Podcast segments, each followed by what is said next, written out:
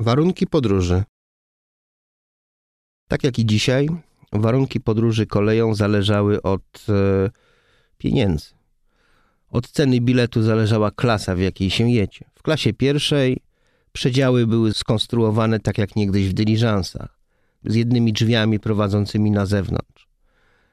Nie było korytarza w środku, nie było w związku z tym żadnych toalet. W momencie, kiedy pociąg się zatrzymywał na stacji na przerwę pięciominutową, przed wychodkami ustawiały się ogromne kolejki. Niektórzy nie mieli szczęścia, jak Ignacy Domejko, który w drodze z Krakowa do Warszawy ani razu nie skorzystał z toalety i napisał w swoim pamiętniku, że ostatni raz jedzie koleją. Dyliżans lepszy. Problem w tym, że dyliżansy na dłuższych trasach zniknęły w momencie, gdy pojawiła się kolej.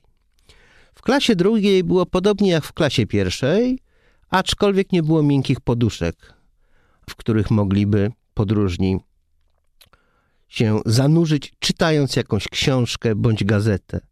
Trzeba tutaj zaznaczyć, że popularność gazet, popularność książek tak zwanych kolejowych w miękkich okładkach i w formacie kieszonkowym spowodowana była przez e, coraz częstsze podróże koleją, no i oczywiście taką krępującą obecność ludzi obcych, z którymi nie bardzo można było porozmawiać, chociaż się siedziało z nimi twarzą w twarz.